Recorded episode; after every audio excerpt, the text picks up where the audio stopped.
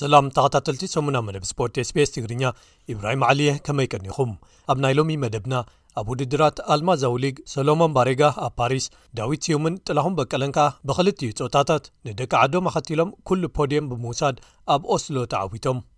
ኣብ ቅድድም ብሽክለታ ቭዌልታ ኤክስትረማዱራ ክልተ ሽሕን ዕስራን ክልተን፣ ኢትዮጵያዊ ሙሉ ክንፈ ሃይለሚካኤል ኣብ ኩሉ ምድባት ተዓዋቲ ኮይኑ።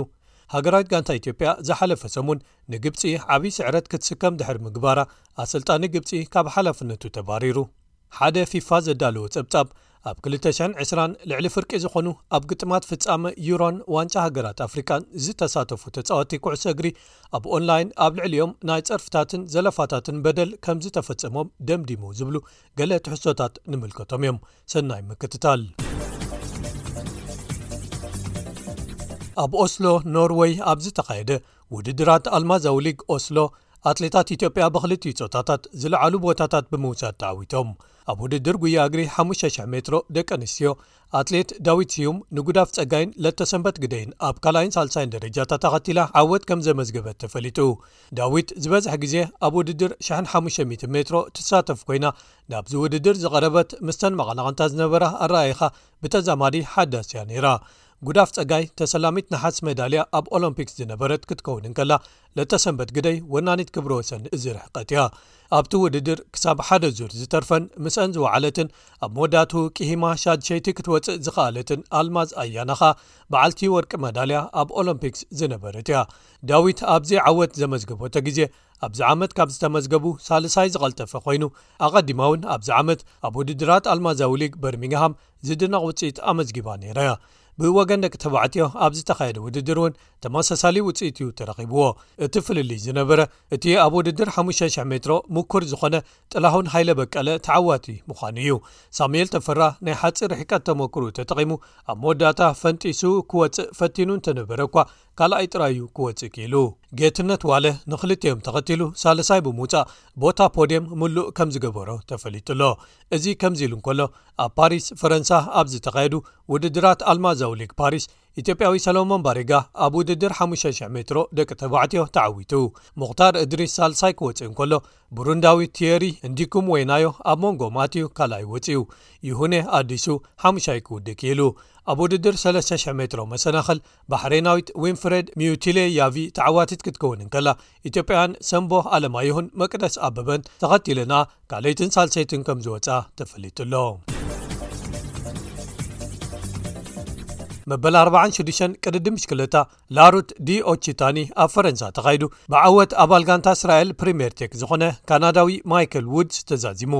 ኣብዚ ኣርባዕተ መድረኻት ዘካተተ ሓሙስ ዝተጀመረ ቅድድም ኤርትራዊ ኣባል ጋንታ ባይከኤድ ዳዊት የማነ ተሳቲፉ ነይሩ ዳዊት ኣብ ሳልሳይ መድረኽ ዝለዓለ ውፅኢቱ ዘመዝገበሉ መበል 30 ደረጃ ሒዙ ክውድእ እንከሎ ኣብ ምዝዛም ናይ ተቕድድም ኣብ ሓፈሻዊ ምድባት ዘዕግብ መበል 31 ተርታ ሒዙ ተሳትፍኡ ክዛዝም ክኢሉ ኣብ ምድብ መንሰያት ከኣ መበል 16 ተርታ ተሰሪዑ ውራዩ ክፍፅም ከም ዝኻለ ተፈሊጡ ኣሎ ብኻልእ ወገን ቅድዲ ምሽክለታ መንስያት ጅሮ ዲኢታልያ ጅሮ ዲኢታልያ ጆቫኒ ኣንደር 23 ብዓወት ብሪጣንያዊ ኣባል ጋንታ ሃገንስ በርማን ኣክስዮን ሊዮ ሄይተር ተዛዚሙ። ኣብዚ ቀዳም ዝተጠናቐቐ ሸውዓተ መድረኻት ዝነበርዎ ቅድድም ኣባላት ጋንታ ቲም ክቦይካ ዝኾኑ ኢትዮጵያዊ ነጋሲ ሃይሉ ኣብርሃን ኤርትራዊ ናሆም ዘርኣይን ተሳቲፎም ነይሮም። ነጋሲ ዝለዓለ ውፅኢት ዘመዝገበላ ሳልሰይቲ መድረኽ ኮይና መበል 16 ተርታ ሒዙ ዝኣተወላ ነይሩ። ብወገን ናሆም ከኣ ኣብ ሓምሻይ መድረኽ መበል 30 ዝወደኣላ እታ ዝለዓለት ውጽኢት ዘመዝገበላ ነይራ። ኣብ ምዝዛም ናይቲ ውራይ ከኣ ኣብ ሓፈሻዊ ምድባት ነጋሲ ዝድነቕ መበል ዓሰርተ ኣርባዕተ ደረጃ ሒዙ ቅድድሙ ክዛዝም እንከሎ፣ ናሆም መበል ሓምሳን ሸውዓተን ደረጃ ሒዙ ተሳትፍኡ ከጠናቕቕ ምኽኣሉ ተፈሊጡ'ሎ። ብኻልእ ወገን ቅድድም ብሽክለታ ቭዌልታ ኤክስትረማዱራ ክልተ ሸሕን ዕስራን ክልተን ተኻይዱ ብዓወት ኢትዮጵያዊ ኣባል ጋንታ ፊልያል ካኻሩራል ሙሉ ክንፈ ሃይለሚካኤል ተዛዚሙ። ሙሉ ብፍላይ ኣብ ናይ መወዳእታ መዓልቲ ቅድድም መድረኻዊ ዓወት ድሕሪ ምምዝጋቡ ዳርጋ ኣብ ኩሉ ምድባት ነጥቢ ንጉስ ዓቐብን ሓፈሻዊ ምድባትን መሪሕነት ዓብሊሉ ውራዩ ብዓወት ከጠናቐቕ ከም ዝኸኣለ ጋንትኡ ምሕባራ ተፈሊጡሎ ማሕበር ኩዕሶ እግሪ ግብፂ ንኣሰልጣኒ ሃገራዊት ጋንታ ኢሃብ ጋላል ካብ መዝነቱ ከም ዘሰናበቶ ኣፍሊጡ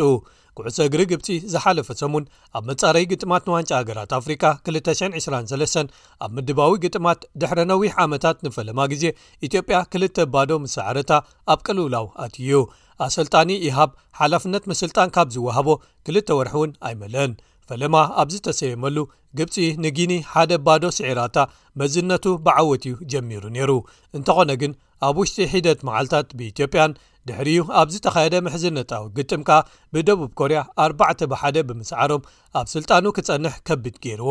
እቲ ዘገርም ግን ነቲ ኣሰልጣኒ ዝተዋህበ ክብሪ ብፍላይ ኣብ መስርሕ ምሕባር ንዕኡ ካብ ሓላፍነቱ ምብራሩ ዘሕፍር ነይሩ ዝብሉ ብዙሓት ኣለዉ ኣቦ ወንበር ማሕበር ኩዕሶ እግሪ ግብፂ ጋማል ኣላም ናብ ሓደ ህዝቢ ብብዝሒ ዝከታተሎ ፍሉጥ መደብ ቴሌቭዥን ደው ኢሉ እቲ ኣሰልጣኒ ክባረር ምዃኑ ድሮ መተካቱ ዝኸውን ሓድሽ ኣሰልጣኒ ይምልከቱ ከም ዘለውን ገሊጹ ነይሩ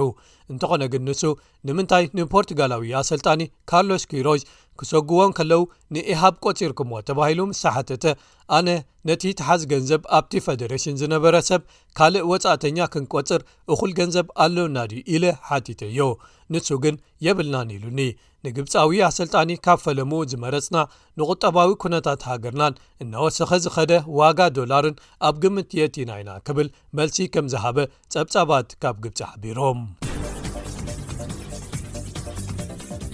ኣብ መወዳእታኻ ክቡራት ሰማዕትና ሓደ ፊፋ ዘዳለዎ ጸብጻብ ኣብ 220 ልዕሊ ፍርቂ ዝኾኑ ኣብ ግጥማት ፍጻመ ዩሮን ዋንጫ ሃገራት ኣፍሪቃን ዝተሳተፉ ተጻወቲ ኩዕሶ እግሪ ኣብ መስመር ኢንተርነት ወይ ኦንላይን ኣብ ልዕሊኦም በደል ከም ዝተፈጸሞም ደምዲሙ ልዕሊ 400 ዝኾኑ ኣብ ግዜ ግጥማት ፍርቂ ፍጻመን ፍጻመን ናይ ክልትኡ ውራያት ኣብ መድረኻት ሓፋሽ ዝወፁ ወይ ዝተጻሕፉ ጽሑፋት ብሰብ ሰርሖ ብልሒ ወይ ኣርቲፊሻል ኢንተሊጀንስ ምክትታል ተኻይዱሎም ኣብዝሓ ካብኣቶም ኣብ ፅልኢ ተመሳሳሊ ፆታ ዘፍቅሩ ሰባትን ኣብ ጽልኢ ዓሌትን ወይ ዓሌታዊ ጽልኢ ዘለዎም ጽሑፋት ወይ መልእኽትታት ነይሮም ክብል እቲ ጸብጻብ ደምዲሙ። እቲ ጸብጻብ ብተወሳኺ ብዙሓት ካብቶም ዘለፋታት፣ ጸርፍታትን ምፍርራሓትን ካብ ደቂ ዓዶም ነቶም ተጻወቲ ከም ዝተጻሕፉን ቅድሚ እቶም ግጥማት ምክያዶም እቶም ግጥማት ኣብ ዝካየድሉ ዝነበሩ እዋንን ድሕሪ ምውዳእ እቶም ግጥማት ከም ዝነበሩን ወሲኹ። ኣብ ግጥማት ኩዕሶ እግሪ ሻምፕዮና ሃገራት ኤውሮጳ ወይ ዩሮ 2020፣ ሓምለ ዓሰርተ ሓደ ስሩዕ ግጥም ፍርቂ ፍጻመ ኣብ መንጎ እንግሊዝን ኢጣልያን ማዕረ ድሕሪ ምዝዛሙ ናብ ፍጹም ቅልዓት መቕጻዕቲ እዩ እቲ ግጥም ሰጊሩ እንግሊዛውያን ተጻወቲ ማርከስ ራሽፈርድ ጀይደን ሳንቾን ቡካዮሳካን ኩሎም ኣፍሪቃውያን መበቆል ዘለዎም ወይ ጸለምቲ ተጻወቲ እተን ዝሃረምዎን ፍጹም ቅልዓት መቕጻዕቲ ከመዝግብዎን ብዘይምኽኣሎም ዘይተኣደነ ጸርፍታት፣ ዘለፋታት፣ ክሳብ ንዕኦምን ንፈተውቶምን ክቐትል ዝህቅን ምፍርራሓት ዘኒብዎም። ፈረንሳዊ ኮኾብ ተጻዋታይ ኪልያን እምባፐ፣ ኣብ ግጥማት ዩሮ ክልተ ሽሕን ዕስራን ፈረንሳ ኣንጻር ስዊዘርላንድ ፍጹም ቅላዕ ድሕሪ ምስሓቱ፣ ብሰንኪ'ቲ ዝወርዶ ዝነበረ መጠኑ ዝሓለፈ ነቐፌታታት፣ ጸርፍታትን ካልእን ካብ ሃገራዊት ጋንታ ክሰናበት ቁሩብ ተሪፍዎ ነይሩ ክብል ፕረዚደንት ፈደረሽን ኩዕሶ እግሪ ፈረንሳ ኖዌል ለ ግረት ገሊጹ። ንዓና እውን ኣብቲ ግዜ ከምቲ ዝግባእ ካብቲ ዝወርደኒ ዝነበረ ነቐፌታታትን ዘለፋታትን ብኣግኡን ብግቡእን ኣይተኸላኸልኩምለይን ኢሉ ነቒፉና ክብል እቲ ፕረዚደንት ወሲኹ። እቲ ጸብጻብ ሓደ ተተኪኡ ዝኣተወ ተጻዋታይ ምስሪ እቲ ብዝበዝሐ መጠን ናይዚ ግዳይ ዝኾነ'ዩ ክብል ብፍሉይ ኣመልኪቱ። ፕረዚደንት ፊፋ ጂያኒ ኢንፋንቲኖ ቀዳም ኣብ ዘውጽኦ መግለጺ እቲ ናትና ሓላፍነት ንጸወታ ኩዕሶ እግሪ ምሕላውን ምክልኻልን እዩ በቶም ብመሳጢ ክእለቶምን ጻዕሮምን ኣብ ሜዳ ወሪዶም በቲ ዘርእዎ ምንቅስቃስ ሓጎስ ዝፈጥሩና ተጻወቲ ከኣ ይጅምር ክብል ገሊጹ ንሱ ብምቕጻል ሕማቕ ኣጋጣሚ ኮይኑ ግን ዝለዓለ ሚእታዊት ናይቶም ኣብ ማሕበራዊ መድረኻት ዝልጠፉ ዝጸሓፉ ዝወፁን ዝዝርግሑን ነገራት ናብቶም ተጻወቲ ኣሰልጠንቲ ደያኑን ጋንታታት ባዕሎምን ዘቕንዑ ምዃኖም ቅቡል ኣይኮነን ክብል ወሲኹ እዚ ዓይነት ኣድልዎ ልክዕ ከምቲ ኣብ ካልእ ህይወት ዝህሉ ኣድልዎ ኣብ ኩዕሶ እግሪ ቦታ የብሉን ክብል ከኣ ኣምሪሩ ገሊጹ እቲ ጸብጻብ እቶም ኣብ ትዊተር ዝቐርቡ ወይ ዝስንደዉ ዝነበሩ ናይ ዓመፅ ቃላት ኣብ መላእቲ መፅናዕቶም ዘካይድሉ ዝነበሩ እዋን ዋሕዞም ዘየቋርፅ ከም ዝነበረ ክገልፅ እንከሎ እቶም ኣብ ኢንስታግራም ዝዝርግሑ ዝነበሩ ግን ንዓበይቲ ክሰታት ፍፃመታት ወይ ግጥማት ተኸቲሎምን ልዕሊ ሰለስተ ርብዒ ምስላዊ መግለጺታት ወይ ኢሞጂስ ይጥቀሙ ነይሮም ኢሉ። ቅድሚ'ቲ ዝመጽእ ሕዳር ዝጅመር ግጥማት ዋንጫ ዓለም ቐጠር 2022፣ ኣብ ግዜ'ቶም ኣህጉራዊ ግጥማት ንጋንታታት፣ ተጻወቲ፣ ደያኑን ደገፍትን ካብቶም ብኦንላይን ብማሕበራዊ መራኸቢታት ዝዝርግሑ ጸርፍታትን ዘለፋታትን ንምሕላውን ንምክልኻልን ምስ ማሕበር ፕሮፌሽናል ተጻዋቲ ኩዕሶ እግሪ ክሰርሕ ምዃኑ ፊፋ ቃል ኣትየ ኣለኹ ክብል ገሊጹ ኣሎ ክቡራት ሰማዕትና ናይ ሎሚ ትሕሶታት ሰሙናዊ መደብ ስፖርት እዞም ዝሰማዕኩሞም ነይሮም